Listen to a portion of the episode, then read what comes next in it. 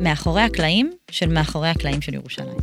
היי לכולם, אני חן דיין, מנהלת מרכז החדשנות והיזמות JLM Spark, והמגישה של הפודקאסט מאחורי הקלעים של ירושלים. ברוכים הבאים לחומרים הלא מצונזרים, שמהם מורכבים הפרקים של הפודקאסט מאחורי הקלעים של ירושלים. פה תוכלו לשמוע את הראיונות עם האנשים כמו שהקלטנו אותם ב live, ללא עריכות וצנזורים. תהנו. הפרק של היום עוסק בנושא אה, קשה, אך כזה שחשוב להתייחס אליו, קבורה בעיר ירושלים. אה, היום אני מארחת את גל שם טוב. אה, עד לא מזמן המשנה וממלא מקום אה, מנכ"ל המשרד לשירותי דת, תושב כרמית, שזה בדרום, אה, סגן אלוף במילואים, ששירת במשך 25 שנה בתפקידי פיקוד שונים. אמרתי הכל נכון? נכון. פצצה. אז גל, איזה כיף שאתה כאן איתנו. אה, אני מתחילה ככה בשאלה שאנחנו שואלים אה, כל מי שמתראיין פה, גם אם הוא לא ירושלמי. אה, בסוף אנחנו, אנחנו מקליטים כרגע בתוך מרכז חדשנות ויזמות שמיועד לבני נוער וצעירים, והרבה צעירים שומעים את הפודקאסט. ומאוד ככה מתעניינים ורוצים להגיע לכל מיני תפקידים, תפקידי מפתח ותפקידים בכירים, גם במגזר הציבורי, גם במגזר הפרטי. ומאוד מעניין אותם הסיפורים האישיים של המרואיינים שלנו. אז אני אשמח שתספר ככה קצת על עצמך, איך התגלגלת אה, עד למשרד לשירותי דת. בסדר גמור. אז אה, אני אתחיל רגע מה, מהגיל הבוגר יותר שלי. אני התגייסתי ב-96 אה, לחיל האוויר. שירתתי, כמו שנאמר, 25 שנים בחיל האוויר במגוון תפקידי פיקוד בעולם הלוחמה האלקטרונית. הייתי בתפקידי האחרון ראש ענף לוחמה אלקטרונית וסייבר במטה המבצעי של חיל האוויר, ותפקיד שקדם לזה הייתי מפקד טייסת 157, שזה טייסת לוחמה אלקטרונית ברמת דוד. אה, ועם סיום שירותי בחיל האוויר ובצה"ל בכלל, פרשתי אה, אחרי 25 שנים, ושאלתי את עצמי מה אני רוצה לעשות. לשמחתי, אה, נפלה בחלקי ההזדמנות להצטרף למשרד לשירותי דת, לתפקיד חדש שנפתח, שזה המשנה למנכ"ל. הגיע מנכ"ל חדש ורענן, בשם מוני מעתוק, והוא חיפש באמת לקדם את המשרד בצורה הרבה יותר מהירה ואפקטיבית. ופעל מול הנציבות באמת אה, לפרסם את התקן של משנה המנכ"ל, והבנתי שהתפקיד הזה נפתח והגעתי לשם, ומשם הסיפור ככה אה, די רץ מהר.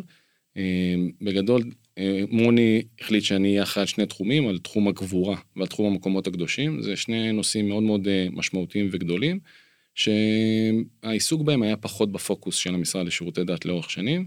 תכף אנחנו גם כן ניגע בכל הנושאים האלה כן. של הגבורה, אבל uh, אני אגיד כן uh, שתי מילים על המקומות הקדושים, גם כן נושא מאוד מאוד גדול, שאחרי אסון מירון הבינו שבאמת uh, גם משרד לשירותי דת כרגולטור צריך להיות בבקרה יותר גדולה על uh, מי שאחראי על זה, שזה המרכז הארצי לפיתוח המקומות הקדושים, ובכלל uh, לייצר איזושהי תוכנית שהיא רב שנתית, לראות איך מקדמים את הנושאים האלה.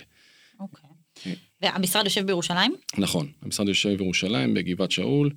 אה, יחד עם עוד משרדי ממשלה שנמצאים שם בסמוך. אז זה אומר שהיית מגיע לכאן, בעצם היית כל יום בבוקר מגיע לירושלים. נכון. ואיך הייתה החוויה? אה, חוויה מדהימה, לא ראיתי את עצמי עובד בירושלים, בסדר? כי בסוף אה, בשירות שלי בחיל האוויר נדדתי בחלק מבסיסי חיל האוויר, גם יצא לי לשרת בקריה, והחלק של הנסיעות פחות אהבתי אותו, אהבתי יותר כאילו לקום ולהיות אפקטיבי מהרגע הראשון. אבל כשהגעתי uh, למשרד לשירותי דת ולירושלים ונחשפתי לעומק שיש בעיר ולאתגר ולעשייה, אז מבחינתי זה היה מבורך. למרות הנסיעה המבוזבזת כביכול, uh, מצאתי גם את הזמן מה לעשות בדרך, uh, ומשם זה הדברים די רצו והיה על הכיפאק. אוקיי. Okay. טוב, בואו בוא, בוא נדבר קצת על המשרד לשירותי דת. אין ספק שבאת מהצבא והיה לך ניסיון בניהול ופיקוד, אבל מה קשור קבורה ומה קשור המקומות הקדושים, חוץ מזה שיש לך כיפה על הראש. אז נכון, זה באמת זה לא קשור, אבל אה, בסוף אה, מי שיודע ללמוד דברים יחסית מהר והתנסה בכל מיני אתגרים פיקודיים וניהוליים, אז אה, זה פחות משנה מה אתה אה, מוביל ומה אתה מנהל, יותר משנה כמה drive יש לך לעשות את הדבר הזה ועם איזה אנשים אתה עובד. וכשהגעתי למשרד לשירותי דת פגשתי אנשים מאוד איכותיים, מאוד מסורים. שבאמת אה, באים לשרת את הציבור. עכשיו יש אתגר מאוד מאוד גדול או פער מאוד גדול בין מה שאנחנו האזרחים מצפים ממשרדי הממשלה שייתנו לנו בקצה את השירות, את האיכות ובאמת אה, שיהיו יעילים ואפקטיביים. אה, לעומת מה שאנחנו חווים במציאות. הפער הזה הוא בסוף חלק מהפער נובע מזה שאין מספיק תקנים ושאנחנו לא מספיק מתגמלים את האנשים בצורה נכונה ושאנחנו לא תמיד מביאים את האנשים הנכונים לתפקידים הנכונים. אה, אבל אני פגשתי אנשים מאוד טובים במשרד יש נושאים מסוימים שצריך לקדם אותם או לשים עליהם את הפוקוס כדי שבאמת נוכל לרוץ קדימה. אוקיי. Okay. אז בוא נצלול ככה לנושא לשמו התכנסנו, קבורה, נושא מדכא קצת. נכון. אה, אבל קבורה בישראל ובכלל בירושלים זה אירוע שלם, יש לנו כאן אה, יהודים דתיים, יהודים חילונים, נוצרים, ערבים.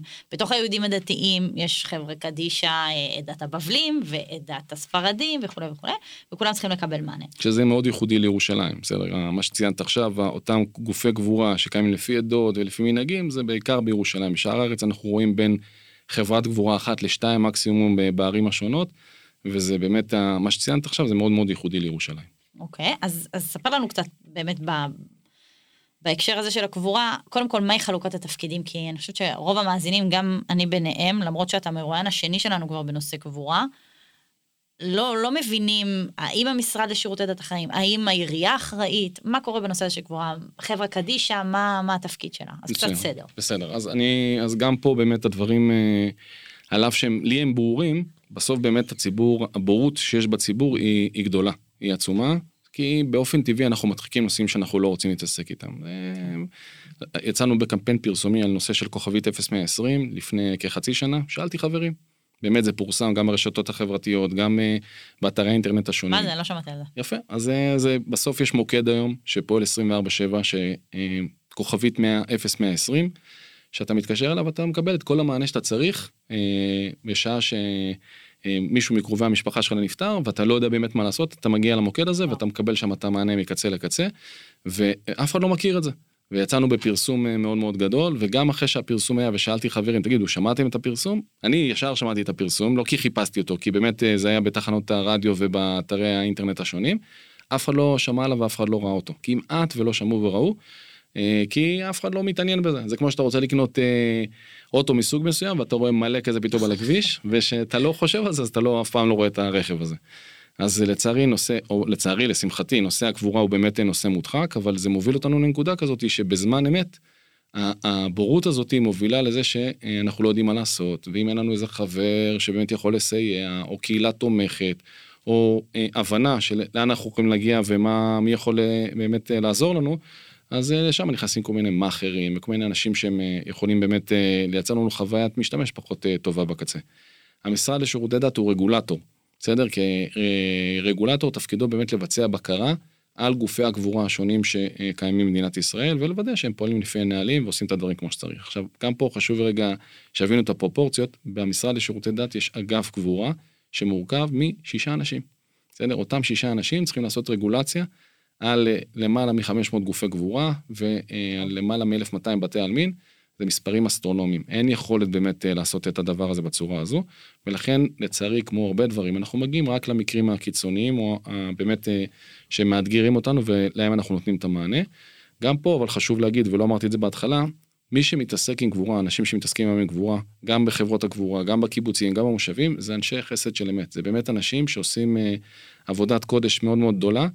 אני פחות הייתי רוצה להתעסק בנושא של גבורה, לא לגבור מישהו, לא לעשות לו טהרה, וזה שיש אנשים שבאמת מגיעים מתוך מקום שיש שליחות אמיתית ומוכנים לעשות את זה בשבילנו, זה שירות מאוד מאוד גדול שהציבור מקבל, והוא לא כל כך מבין, או לא כל כך יודע איך להעריך אותו. המשפחה של הנפטר שחווה את החוויה אה, בבית העלמין באמצעות חברת הקבורה, ולרוב, הרוב המכריע של חברות הקבורה עושים באמת עבודת קודש מדהימה, יודעים להעריך את זה ובאמת אה, אה, נותנים את הפידבק על האירוע הזה, אבל לצערנו, כמו בכל דבר, תמיד יש איזשהו משהו שפחות עובד טוב, או שיש איזושהי תקלה כזאת או אחרת, ומפה אנחנו מחתימים אה, אה, את כל גופי הגבורה, ואנחנו חושבים שחברת קדישא זה חברת גבורה אחת, ויש לנו כאילו, אה, בגלל הבורות שיש לנו, ולי גם כן הייתה בורות מאוד גדולה בנושא הגבורה, אנחנו לא באמת מבינים איך זה עובד. אוקיי, okay. חברה קדישא זה בהתנדבות? לא, חברה קדישא זה עמותה שאין לה, ללא מטרות כוונות רווח. אה, שבסוף אה, עמותה שאמורה לקיים את עצמה ובאמת אה, לדאוג שיהיו גברים לאותו עיר או אותו אזור שהם נמצא תחת האחריות שלהם. חשוב רגע להבין מאיפה זה נולד. טרם הקמת המדינה היו חברו קדישא, בסדר? שבאמת תפקידם, אותם אנשים שהתנדבו לטפל בנפטרים, היו קוברים את הנפטרים במקומות כאלה ואחרים, ואחרי הקמת המדינה, איפה שלא היה חברות קדישא והארץ הלכה והתרחבה, הוקמו יישובים חדשים או כל מיני דברים כאלה, אז למקומות האלה נכנסו המועצות הדתיות, שחלקם נותנים שירותי קבורה וחלקם לא, כי יש עמותות שבאמת אה, חבר'ה קדישא שעושות את זה אה, מקדמת דנה, ויש גם כל מיני קונסטלציות של אה, גופים עירוניים ודברים אחרים שכאילו אם אה, במהלך השנים האחרונות נכנסו לכל מיני נושאים, היו אפילו חברות בעם שנכנסו לנושא הזה, אבל שמי שמגיע מתוך מקום לעשות כסף מנושא הקבורה או, או כעסק, הוא לא יכול להצליח וזה לא באמת משהו ש... כן, זה לא התחום. בדיוק. אני, אני מתעכבת על זה עוד קצת רק כדי שנבין את זה עד הסוף. אז עכשיו אני רוצה להקים אה, חברה, לא יודעת, אני, אני מגיעה מהצפון, מועצה מקומית, בסדר? מועצה אזורית. אני רוצה עכשיו להקים חברה של קבורה, אני יכולה? עמותה? אז ברמה העקרונית, בהנחה שיש לך מקום לקבור בו, בסדר? וזה מישהו צריך אה, להקצות לך את הקרקע, שתוכלי באמת אה, לעשות את הדבר הזה, ושאת עומדת בכל הקריטריונים שהמשרד לשירותי דת כרגולטור מבצע בקרה עליהם, אז אה, על פניו כן, אז. גם אם יש חברה שכבר עושה את זה, חברה קדישא מקומית שעושה, אני יכולה בכל זאת הבעיה שתהיה לך זה שלא יהיה לך שטח לקבור בו, בסדר? ולכן, כאילו אם אין לך שטח לקבור בו, אז אין שום אה, משמעות לזה שתקימי עמותה לקבורה. אוקיי. החלק המשמעותי בחברת הקבורה זה שיש לה שטח שמוקצה לטובתה, שהיא יכולה לקבור את הנפטרים. אז בעצם השטח הזה הוא שייך לחברה הזאת. הוא מוקצה לחברה. מוקצה. לחברה הזאת. נכון, בדיוק. אני אומר, זה, זה בדרך כלל זה שטח של המדינה, בסדר? שהמדינה אה, אה, נותנת לחברת הקבורה, ב, או בחינם או באיזשהו תשלום סמלי כמעט ולא רלוונטי, כי הייעוד שלו זה ייעוד של קבורה. בסדר? או שחברת קבורה הלכה ורכשה אה, אה, קרקע לטובת קבורה שהייעוד שלה היה קבורה. ופה בירושלים, שיש לנו אה, 700 חברות קבורה. נכון, יש לנו... אה, מה, לכל אחת יש אה, מוקצה למקום משלה? אז זהו, אז ירושלים בגלל ההיסטוריה של הדבר הזה, וזה משהו שאם היה אפשר להימנע ממנו אז אה, היינו נמנעים ממנו, אבל זה קדם לנו טרם אה, זה, ובסוף חשוב להבין עוד איזושהי נקודה. חברת קבורה שמקבלת את הקצאת הקרקע, יש לה מחויבות לעולמי העד לדאוג שהמקום הזה יהיה נקי, מסו- מ- מטופח, מסודר ו- ורלוונטי. בסדר? זה בסוף אה, קבר זה לכל החיים. אה, אה, אה, תכף נדבר על זה, נכון, לצערנו. סוג של פרדוקס כזה, כן, אבל זה מלווה אותנו כאילו אה, דורות קדימה, וזה אה, שימוש חד פעמי בקרקע לטובת אה, נושא הקבורה. ואז זה אומר שיש מישהו שאמור לדאוג שהדבר הזה באמת יהיה אה, ראוי ונכון, ושזה לא יוזנח וזה לא ייפול למקום כזה אחר. ולכן המחויבות של אותן חברות היא, היא ככזאת היא לתת את המענה לדבר הזה. אז עכשיו, אם אני, חס ושלום, או אה, מי, מישהו, לא עלינו, אה, נפטר, נכון. אני פונה לחבר, לחברה קדישא מסוג מסוים פה בירושלים, אני יכולה לקבור את המת אך ורק באזור שמוקצה להם, נכון, אוקיי, ואם נכון. אני רוצה באזור אחר, אני צריכה ללכת לחברה קדישא אחרת. נכון, בדיוק. הבנתי. טוב, בואו נ- נצלול קצת לנתונים לפני שאנחנו נכנסים אה, אה, לנושא, לתוך הנושא. אה, קצת מספר נפטרים בישראל כל שנה, בתי קברות, שטחים, מה שאתה יודע, ובירושלים בפרט. מצוין. אז אני אומר, אנחנו כבר חצינו את קו ה-50 אלף נפטרים בשנה. בסדר שזה מספרים אסטרונומיים, כאילו בהיבט של אה, הכמויות, ו- ורק אה, ככל שאנחנו גדלים וככל שמדינת ישראל קולטת עוד אנשים, ותוחלת החיים פה עומדת על באזור ה-80 ו-80 ומשהו שנים, זה אומר שבעוד 80 שנה מעכשיו, אם כמות האנשים בישראל היא 10 מיליון, זה אומר שאנחנו נגדל בעוד 10 מיליון גברים ב-80 שנה הקרובות. זה המשמעות של הדבר הזה. וואו. אה, וזה הולך ועולה בצורה יחסית אה, אה, גדולה. מה עוד שאלת לגבי זה? בתי קברות, יפה. שטחים. אז אני אומר, היום אנחנו משתמשים קרוב ל-13 אלף דונם במדינת ישראל לטובת קבורה, שזה כולל בתוכו גם קבורה רוויה וגם קבורה במנהרות וכל מיני פתרונות שתכף אנחנו ניגע בהם. אה, אפשר להבין רגע את ההיקפים של, ה, של הקרקע, 13 אלף דונם זה מספרים אה, מאוד מאוד אה, גדולים. יש קרוב ל-1,200 בתי עלמין וכ-600 גופי קבורה. וואו, אוקיי. טוב, תכף נצלול לנושא השטח, זה בוער בי, אבל אני הולכת לפי הסדר. אה, אז יש לנו בישראל, בטח בירושלים, אוכלוסיות מגוונות, וזה... אני חושבת שאם יש מקום שזה בא, או נושא שזה בא לידי ביטוי בו, רואים את זה בהחלט בלוויות ובשבעות ובכל ענייני האבלות. אה, אז נשמח שתספר קצת על, ה, על האתגרים שחוויתם במשרד לשירותי דת מול האוכלוסיות השונות, מה הדברים הייחודיים שצריך לקחת בחשבון בנוגע לכל אוכלוסייה. אז אני רוצה להגיד שפורסם דוח מבקר המדינה לנושא הקבורה בשנת 2019. המבקר נגע בכל מיני נושאים שהם אה, או לא מטופלים או מטופלים ברמה לא מספיק אה, טובה, אה, ובכללם זה שאין אה, גוף אחד שמתכלל את כל נושא הקבורה. המש- המשרד לשירותי דת אחראי על רישיונות הקבורה לחברות הקבורה, והוא נתפס בציבור כגורם שאחראי נושא הקבורה. אבל למעשה משרד הבריאות, משרד הפנים, משרד החוץ בהובלת אה, אה, גופות שנפטרים לתוך מדינת ישראל, הביטוח הלאומי, הרשויות המקומיות ועוד הרבה גופים כאלה ואחרים, כולם אוחזים בצורה כזאת או אחרת את נושא הקבורה. אבל המשרד לשירותי דת נתפס, נתפס כמבוגר האחראי וכגורם שבאמת, אם יש איזושהי בעיה, פונים אליו כדי לקבל את המענה אה, לטובת הדבר הזה, ופה אני שם איזושהי כוכבית, המשרד לשירותי דת אחראי על גבורת יהודים בלבד. בסדר? כאילו יהודים או אנשים חסרי דת. אבל מוסלמים, נוצרים, ודתות אחרות, המשרד, המשרד, המשרד הפנים אחראי עליהם.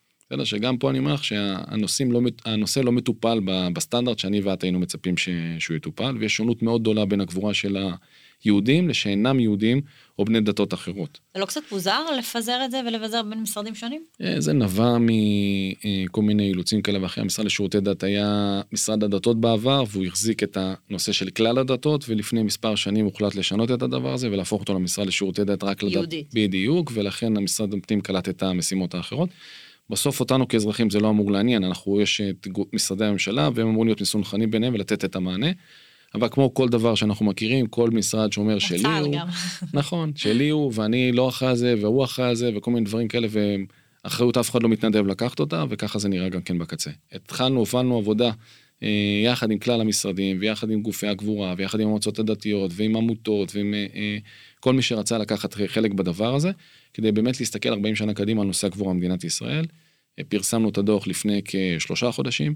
נגענו בכל הנקודות שמבקר אה, סימן אותם ומעבר, ונתנו המלצות גם לטווח הקצר וגם לטווח הבינוני ארוך, אה, ולא חיפשנו איזושהי רבולוציה אה, לא הגיונית. הלכנו באמת למקומות שבאמת ניתן לממש את הדברים, רק עם קצת פוקוס וקצת משאבים, ואני כולי תקווה שיאמצו את הדוח הזה ובאמת יממשו אותו. אוקיי, אמן. אז יאללה, בוא נדבר קצת על שטח. כן. כל מי שעולה לירושלים אמרתי לך כבר אני לא ירושלמית ואני זוכרת שכשהייתי מגיעה לכאן לביקורים כשהייתי יותר צעירה אז באמת שעולים הדבר הראשון שרואים מירושלים זה זה את הר המנוחות. נכון. אמ, אז אם אפילו אנחנו לא מדברים על, על, על, על הר הרצל ועל הר הזיתים כאילו יש פה המון בתי עלמין והם תופסים שטח נכבד מעיר הבירה של ישראל. איזה פתרונות יש היום לצמצום השטח שבתי העלמין תופסים והאם זה בכלל איזושהי סוגיה שמעסיקה את המשרד לשירותי דת או משרדי ממשלה אחרים. אז, אז אה, בוא נתחיל מלפני קצת יותר מ-20 שנה, כמעט 30 אה, שנה, הוחלט על, אה, מתוך ההבנה שבאמת אי אפשר להמשיך ולקבור את האנשים בקרקע בקבר בודד, בטח באזורי הביקוש, מצאו פתרון שנקרא גבוהה רוויה. הפתרון הזה היה מתואם עם הרבנות הראשית וקיבל את ברכת הדרך של הרבנים ובאמת אני אומר בלי הפתרון הזה היינו במצב הרבה יותר קשה והרבה יותר מאתגר גם בירושלים וגם באזורי הביקוש, באזור המרכז בעיקר. אה, ובזכות הפתרון הזה אנחנו נמצאים במקום שעדיין אנחנו יכולים להכיל את הגברים בסמיכות לעיר. בסדר? כי בסוף אנחנו, איפה אנחנו פוגשים את הגברים? בתי העלמין נבנו לאורך השנים בפאתי העיר. מה שקורה זה שבגלל שהעיר גדלה בצורה מאוד אה, משמעותית לאורך השנים, אנחנו חוגגים 75 שנה תכף, אז הפאתי העיר הפכו להיות מרכז העיר. בסדר? ולכן אנחנו עכשיו כבר רואים את הר המנוחות, שהוא זה כבר, ב, כאילו זה לא בלב העיר, אבל זה, זה כבר לא בקצה העיר לצורך העניין. כן. בסדר? זה בסמיכות לגבעת שאול ובסמיכות למקומות אחרים. ואותו כנ"ל לגבי בתי עלמין אחרים שהיו לאורך אה, השנים. והשאיפה זה באמת אה, לראות איך אנחנו, אחד, מוצאים פתרונות יצירתיים לנושא הגבורה, ושתיים, נותנים אה, לכל אוכלוסייה את המענה שהיא צריכה לקבל. כי נושא הגבורה הרוויה, שאני, לי אין בעיה, שום בעיה להיקבר בגבורה רוויה או בפתרון אחר שתכף נדבר עליו, אבל חלק מהעדות וחלק מהזרמים וחלק מהאוכלוסיות השונות לא מוצאות בזה פתרון שהוא לגיטימי מבחינתם, ולכן אנחנו צריכים לתת פתרון הוליסטי לכולם. הפתרון הזה לא צריך להיות באזורי הביקוש. בסדר, לצורך העניין, אה, באירופה אה, יש כבר, כבר ערים באירופה שאי אפשר לקבור בצורה קבועה בקרקע. גם כשאתה קובר מישהו, אתה קובר אותו לחמש שנים, עשר שנים או עוד שלושים שנה. והמשמעות של זה שביום מן הימים יוציאו את הנפטר מהקבר, את העצמות שלו, ויעבירו את זה למקום שהמשפחה תגדיר, אה, במקרה הטוב. ולכן כבר היום אנחנו רואים שיש יהודים שנמצאים באירופה, שבמקומות שבהם לא ניתן לקבור לעולמי עד, מתרחקים מהמקום הזה, או, או מביאים את הגופת הנפטר לארץ, או עוברים לאיזושהי מדינה אחרת סמוכה שכן ניתן לפתור, לקבור שם אה, אה, בצורה, בצורה קבועה וארוכה. ולכן אני חושב שהפתרון גם אצלנו במדינת ישראל זה לייצר איזושהי אלטרנטיבה שהיא לא רק בסמיכות אה, לערים. מתוך ההבנה שאנחנו צריכים להסתכל על הדורות הבאים ולהשאיר להם קרקע רלוונטית באזורי, באזורים הרלוונטיים שיאפשרו להם לעשות משהו שהוא לא רק אה, קבורה. מגורים, מסחר, תעסוקה או כל דבר אחר, פנאי שאנחנו רוצים באמת לאפשר אותו לדורות הבאים. אוקיי, איזה פ... כן. כן, והובלת אותי לפתרון הבא, שכאילו בסוף, הקבורה הרבועה לפני 30 שנה, אף, אף אחד לא האמין שאנשים ייקברו בדבר הזה. והיום באזור המרכז אתה מגיע ואין לך פתרון, אין לך אופציה אחרת. בסדר, הקבורה היא רק קבורה רוויה. או בקומה 1 או בקומה 4 או בקבר סנהדרין או כל פתרון אחר שיש. וגבורת ארץ ישראל שזה הדבר הבא שהרב רפי אוסטרוף שהוא יושב ראש המועצה הדתית של גוש עציון שהוא באמת המנוע המרכזי מאחורי הדבר הזה הבין שמבחינה הלכתית קברו ככה בתקופת בית שני ואין שום בעיה על פי ההלכה לקבור בצורה הזאת ומנסה לקדם את הפתרון של גבורת ארץ ישראל. זו, הפתרון עוד לא בשל מבחינה אה, ציבורית תדמיתית. ציבורית תדמיתית וגם אה, פרקטית בסדר כי אנחנו רוצים בסוף אה, להגיע למצב שאחרי שאנחנו פותחים את הקבר כדי ללקט את העצמות יש שם באמת רק עצמות ולא דברים נוספים שאנחנו לא, לא יכולים לעשות ולכן גם פה יש איזושהי אה, סדרה של ניסויים שצריך לעשות כדי להבטיח את הדבר הזה. והמשרד לשירותי דת עושה, מנסה, עובד על זה? אז המשרד לשירותי דת אה, בתקופתנו יחד עם משרד האוצר ניסה להניע איזשהו פיילוט בנושא הזה. אה, להבנתי במצב הנוכחי, בקונסטלציה הנוכחית של הממשלה הנוכחית זה לא על סדר היום הממשלתי. אוקיי. אמ, טוב, אם נשווה את ירושלים לשאר הערים במדינה או אפילו לשאר העולם, מה, מה המצב של העיר? איפה היא עומדת? איפה היא נמצאת? אז אני, אז פה אני אומר, אין, אין מספיק עתודות אה, קבורה בירושלים. זאת אומרת, אם אנחנו מסתכלים אה, על פי תמ"א 19 או על פי מינהל התכנון שאמור לפתח אה, שטחים לטובת קבורה, אין, בסוף ייגמרו הגברים בירושלים נכון לעכשיו. עכשיו תמיד אפשר לקחת שטחים שמיועדים לדברים אחרים להגיד בוא נוריד את היער פה או בוא נוותר על הייעוד של הקרקע הזה ונכשיר אותו לקבורה בעיניי זה זה טעות ואנחנו צריכים למצוא פתרונות אחרים שמתרחקים או פתרונות יצירתיים כמו שקרו על ידי חברת קבורה אחת מחברות הקבורה פשוט חפרה במנהרות, בסדר? בהר המנוחות, מתחת להר המנוחות יש מנהרות גבורה מאוד מאוד אה, גדולות, שמאפשרות לגבור שם עוד אלפי אנשים, בסדר? שבסוף זה שטח שלא תוכנן להיות לטובת שום דבר, הוא לא פוגע בסביבה, הוא לא פוגע ב, ב, על פניו, לא פוגע בסביבה, כן. בסדר? ומאפשר פתרון אחר שהוא לא פתרון אה, שמכלה את הקרקע לטובת הדבר הזה. הדבר היחידי שהוא בעייתי זה עלות החפירה, בסדר? קבר כזה, קבר שדה רגיל עולה כמה אלפי שקלים בודדים כדי להכשיר אותו, וקבר ב- בתוך מנהרה עולה כמה עשרות אלפי שקלים oh. לחברת הקבורה להכשיר אותו, ובסוף מי שמשלם את זה זה האזרחים. זה אין, אה, המדינה לא, לא שמה כסף על נושא הקבורה. היום אם אני רוצה להיקבר בקבורת ארץ ישראל, זה אפשרי? יש לי אופציה כזאת? יש אה, בקבוצת יבנה אה, כבר התחילו את התהליך הזה אנשים הצהירו שהם מוכנים שיפנו את הקבר שלהם ביום מן הימים זה יכול להיות עוד אה, חמש שנים זה יכול להיות עוד עשר שנים מתי שיחליטו שנכון יהיה לפנות את הקבר ולעשות ליקוט עצמות אז אותם אנשים הצהירו שהם מוכנים שזה יקרה. וזה השלב הראשון השלב הראשון זה שהאדם. שה, שעובר מן העולם צריך להצהיר עוד בחייו שהוא מוכן שהפתרון הזה יקרה כדי שבאמת אה, חברת הקבורה או בא כוחה יכול לעשות את האירוע הזה על דעתו של האדם ולא על סמך זה שמישהו החליט יום אחד שפשוט מפנים את הקבר הזה. כן. אה, ומה שחסר היום זה באמת את, ה, את הפן הפרקטי של אה, להכשיר את השטחים ואת הפתרונות ההנדסיים לטובת הנושא הזה. אני חושב שבדומה לכרטיס אדי, של נושא של השתלת איברים שלפני 40 שנה זה באמת היה משהו באמת מדע בדיוני כן. בדיוק מדע בדיוני וחריג והיום מי שלא חתום על כרטיס הדיור החריג אז אני חושב שגם בגבורת ארץ ישראל בעוד 10 15 20 שנה אנחנו נהיה בסיטואציה הזאת.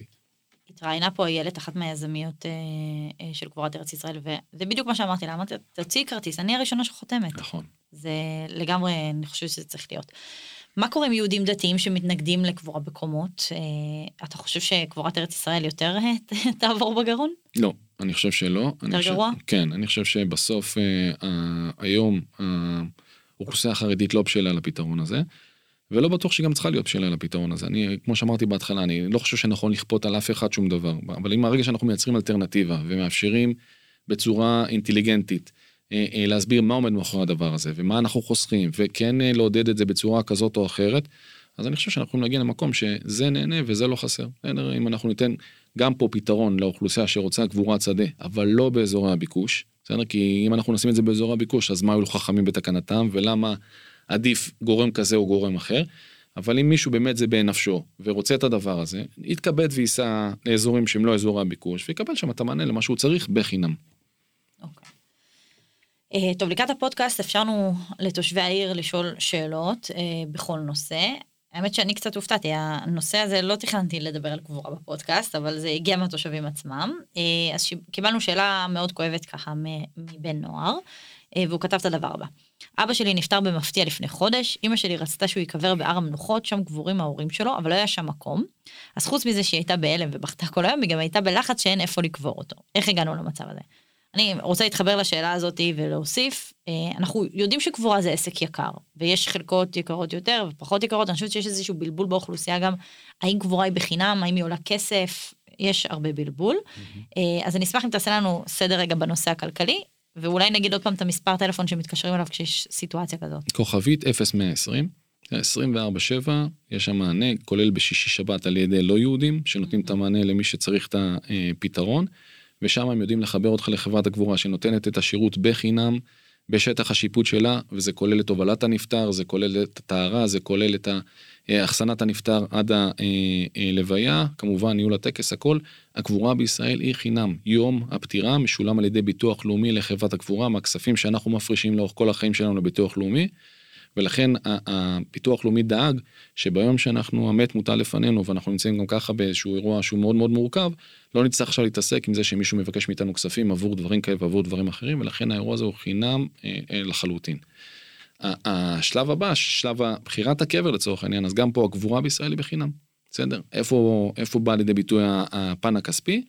בבקשות המיוחדות שיש לנו. ברגע שאנחנו מבקשים קבר פרימיום, שזה קבר אה, שדה, או איזשהו קבר שנמצא בסמיכות אה, אה, לקרוב משפחה כזו או אחר, או שאנחנו רוצים איזשהי תעדוף כזה או אחר, אז פה חברות הקבורה מתמחרות את זה באיזשהו סכום שהוא נמצא באיזושהי הסדרה באמצעות הביטוח הלאומי ובאמצעות המשרד לשירותי דת.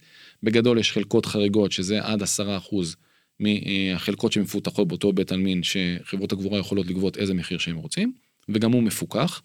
אה, בצורה כזאת או אחרת על ידי המשרד לשירותי דת, ויש חלקות סגורות, בתי עלמין שנסגרו, זאת אומרת, כמעט ולא נשארו בהם מקומות קבורה, גם שם יש אה, אה, אותם גברים בודדים, או אותם גברים שמכשירים לטובת הדבר הזה, ניתן למכור אותם בכל מחיר. עכשיו נשאל את עצמנו את השאלה למה זה קורה, זאת אומרת, מה, למה חברות הקבורה עושות ביזנס. כן, למה בכלל לקחת כסף? יפה, אז בסוף, אם אמרנו מקודם שהמדינה לא שמה כסף על נושא הקבורה, אז אנחנו, איך, איך האירוע הזה שנקרא גבורה אה, מצליח לעבוד? איך הקסם הזה שיש אנשים שמתעסקים בזה, מפתחים בתי עלמין, וביום שהמת מוטל לפנינו, אנחנו בסוף, יש קבר שמחכה לנו. בסדר? כאילו, בחינם, או אם אנחנו רוצים אה, להוסיף כסף, אז זה תמיד אה, אופציה שקיימת. אותו בחינם שדיברנו עליו מקודם, הוא נובע מזה שמישהו צריך אה, לממן את זה. מי שמממן את הבחינם זה החבר'ה שקונים את הקברים. אקסטרות. בדיוק, את קברי הפרימיום, או רוכשים חלקות קבר בחיים. אוקיי. טוב, עשינו קצת סדר. אמ, בוא נדבר קצת על, על, על נושא הלוקאליות. היום המשרד לשירותי דת הוא אחראי לנושא הקבורה, והעיריות המקומיות לא, אמרת שבעצם אתה, אתם הרגולטור. נכון. אה, אבל העיריות המקומיות, אין להם say. אני כשהתכוננתי לפודקאסט אמרתי, אוקיי, בוא ניקח מישהו מהעירייה ש, שייצג את הממסד. אף אחד לא מתעסק בקבורה, אין אפילו בן אדם אחד, זה לא רלוונטי. אמ, אז השאלה שלי, האם זה לא יותר הגיוני שכל רשות תקבל החלטה לפי התושבים ברשות, למה המשרד לשירותי דת, או, או בעצם אה, הרגולטור הזה שנמצא בממשלה, יחליט עליי ביישוב חילוני בצפון, ויחליט על חרדי במאה שערים בירושלים. אז הוא לא מחליט עלייך על יישוב חילוני בצפון, והוא לא מחליט על חרדי במאה שערים, הוא לא, הוא לא נכנס לרזולוציה הזו, ובסוף, באמת, באמת, באמת, מי שאחראי נושא הגבורה זה הרשות המקומית. היא פשוט מתנערת מהאחריות שלה. כי יש חברות גבורה שעושות את העבודה בשבילה, והן לא צריכות להיות בפרונט עכשיו מול המשפחות ולגבות כספים. אבל אני אתן לך דוגמה, בהרצליה ראשת העיר יעל גרמן אה, בזמנו החליטה שהיא לא מתאים לפתרון שחברת הקבורה נותנת בשטח השיפוט שלה, והחליטה שהיא מקימה בית עלמין עירוני. הקימה בית עלמין עירוני בהרצליה והיא נותנת את השירות הזה לתושבים. אה, על פי המתכונת הקיימת, בסדר, גם היא גובה כסף על אה, רכישת חלקת קבר מחיים ועל חלקות חריגות ועל כל הדברים וזה, ובסוף זה השירות שהיא נותנת לתושבים אצלה, בסדר, אבל חשוב להבין שזה, בית העלמין הזה הוא גירעוני, העירייה מפסידה, אם אפשר לקרוא לזה ככה, מפסידה או מרוויחה, היא מפסידה הרבה כסף על ההשקעה של הבתי עלמין, ונוח לרשויות המקומיות שיש חברת קדישא, שהיא נמצאת בפרונט, ושהיא מתעסקת עם פיתוח בית העלמין, ושהיא גובה כסף, כסף מהמשפחות, ושהיא נותנת את השירותים מקצה לקצה, זה מאוד מאוד נוח, וזה גם מייצר להם שקט. כי כמו שאמרתי מקודם, רוב חברות הקבורה עושות את זה באמת מתוך מקום של שליחות, והמדינה שמה אותם בפרונט. אנחנו הציבור לא מבינים את זה, אנחנו הרבה פעמים אומרים, אה, חברת קדישא האלה, וגם לרוב כן. מי שפוגש אותנו זה אנשים חרדים או דתיים עם כיפות שחורות וזקנים ואנשים שאנחנו עם הסטריאוטיפ שלנו ישר קופצים ואומרים "אה, הם בטח באים לעשות לנו סיבוב ובטח לחברים שלהם לא לוקחים כסף וכולי וכולי וכולי ואני גיליתי באמת מתוך אה, גם ירידה לשטח וגם עם היכרות עם האנשים שליחי מצווה אמיתיים מלאכים באמת מלאכים אנשים שעושים עבודה שאף אחד מאיתנו לא היה מוכן לעשות ובאמת ב... ברוחב לב ומתוך מקום של שליחות וקדושה ועושים את מקפידים על קלה כבחמורה כדי שבאמת אה, אה, עושים חסד עם הנפטר ועם המשפחה שלו. חסד של אמת. נכון. אה, טוב, לא כל הציבור יודע, אבל בירושלים יש גם אתרים ארכיאולוגיים ומערות קבורה אה, עתיקות וכל מיני בתי עלמין לא מוכרים. אה, אז אנשים מכירים כמובן את הר הרצל, מאוד מפורסם, הר המנוחות, יש כאלה שמכירים את סנהדריה, יש שם כמה צדיקים מאוד מפורסמים שקבורים. אבל ספר לנו אולי איזה סיפור על איזה בית עלמין ירושלמי שהציבור לא מכיר. אז אני לא מכיר יותר מדי בתי עלמין ירושלמים כי אני לא ירושלמי ובסוף גם אני הגעתי למקומות הרגילים אבל אנחנו יכולים לעשות לראות באזור הקבר של שמעון הצדיק יש בסמיכות ממש לקבר יש מערת קבורה. בסדר שאפשר אה, להגיע לשם ולראות באמת איך קברו בתקופת בית שני ואולי להתחבר טיפה לרעיון הזה של גבורת ארץ ישראל יש שם מערת גבורה. שיש שם גולל שכאילו לתוך החדר הם מכניסים את גופת הנפטר וסותמים את הגולל ופותחים אחרי אה, תקופה מסוימת כדי לראות באמת אה, לעשות את אותו ליקוט העצמות וגם יש את נישות כאלה בסדר מערות גבורה קטנות בתוך אותה מערת גבורה ששם היו שמים את הגלוסקמאות עם אה, עצמות של המשפחה ובאמת מייחדים תא מסוים לאותה משפחה. אז אני קורא למי שירושלמי וגם מי שלא להגיע לקבר שמעון הצדיק וממש בסמיכות אליו אפשר לראות רגע את מערות הגבורה ולהתרשם ממה שהיה בתקופת בית שני. אני, רוצה רגע לחזור לנושא קבורת ארץ ישראל. המשרד לשירותי דת מנסה לפנות לרבנים אורתודוקסים חרדים כדי להכשיר אה, למשל את קבורת ארץ ישראל או קבורה בקומות, כאילו נעשה איזשהו ניסיון או שאומרים נציע את זה וזה יזרום. אז אני אומר, בקבורה בקומות זה היה באמצעות גם כן המשרד לשירותי דת. ו... הרבנות, אבל הרבנות זה לא רבנים חרדים. עושים איזשהו... לא, אז אני אומר, הרבנות בסוף, היום ב, ב, ב, ברשות הרבנות יש לנו רב ראשי ספרדי, רב ראשי אשכנזי, תלמידי חכמים, שבאמת נכון. אה, הם אוטוריטות בנושא הזה. אה, אה, אני חושב שעוד פעם, אה, לצערנו, חלק מהדברים אנחנו צריכים, חלק מהדברים אנחנו לא עושים עד שאין לנו ברירה לעשות. זאת אומרת, היום עדיין יש שטחים פתוחים במדינת ישראל, ויש שטחים שכאילו אפשר להקצות לטובת קבורה, ולכן תלוי את מי אתה שואל. בעיניי, כשאתה אפילו אומר את זה, זה נשמע לי אבסורד. אני, אני מסכים, אבל בסוף יש תפיסה שאומרת, דיה לצרה בשעתה. בסדר, בואו נשאיר גם לדורות הבאים להתעסק עם דברים שאנחנו לא זה, לא צריכים להתעסק איתם עכשיו. אני לא, אני לא מאמין בגישה הזאת, אני מגיש, מאמין בגישה הא- האקטיבית, ובאמת אה, לפתור את הדברים, בטח שהם מתיישבים מבחינה הלכתית, אני, אופה, אני לא רואה פה סתירה מבחינה הלכתית, ובטח שאנחנו לא מכריחים את הפתרון הזה לכולם, אבל אה, אני מניח שייקח עוד איזה אה, תקופה מסוימת, ושבאמת יהיה גל ציבורי של אנשים שמוכנים לחתום על אה, קבורת ארץ ישראל, ושמחפשים את הפתרון הזה, בהנחה שאנחנו נחצה איזושהי כמות מסוימת של אנשים, אז אני מניח שזה ייצור לחץ, ויאפשר עכשיו באמת אה, להתחיל להזיז דברים. אוקיי. טוב, אנחנו אוהבים אה, לסכם את הפרקים שלנו בפודקאסט בדיוק כמו שאנחנו פותחים אותם. אה, בסוף זה פודקאסט על ירושלים, אה, שתמיד אומרים שהיא הפרומו של מדינת ישראל, שפה יש אה, אה, עשור קדימה ממה שקורה בכל המדינה, אה, וגם עיר מאוד מורכבת עם אתגרים לא פשוטים. אה, אז אני אשמח לדעת מה אתה חושב, איפה אנחנו נהיה עוד עשור בירושלים סלש בישראל בנושא הקבורה. האם דווקא בירושלים זה יתחיל, או שהפוך, ירושלים תהיה האחרונה שתצטרף, בינתיים נרגיש שיבנה ככה הקדימה את כולנו. אה, האם יש איזשהו תרחיש אופטימי שאתה יכול לסכם איתו את הפרק הזה?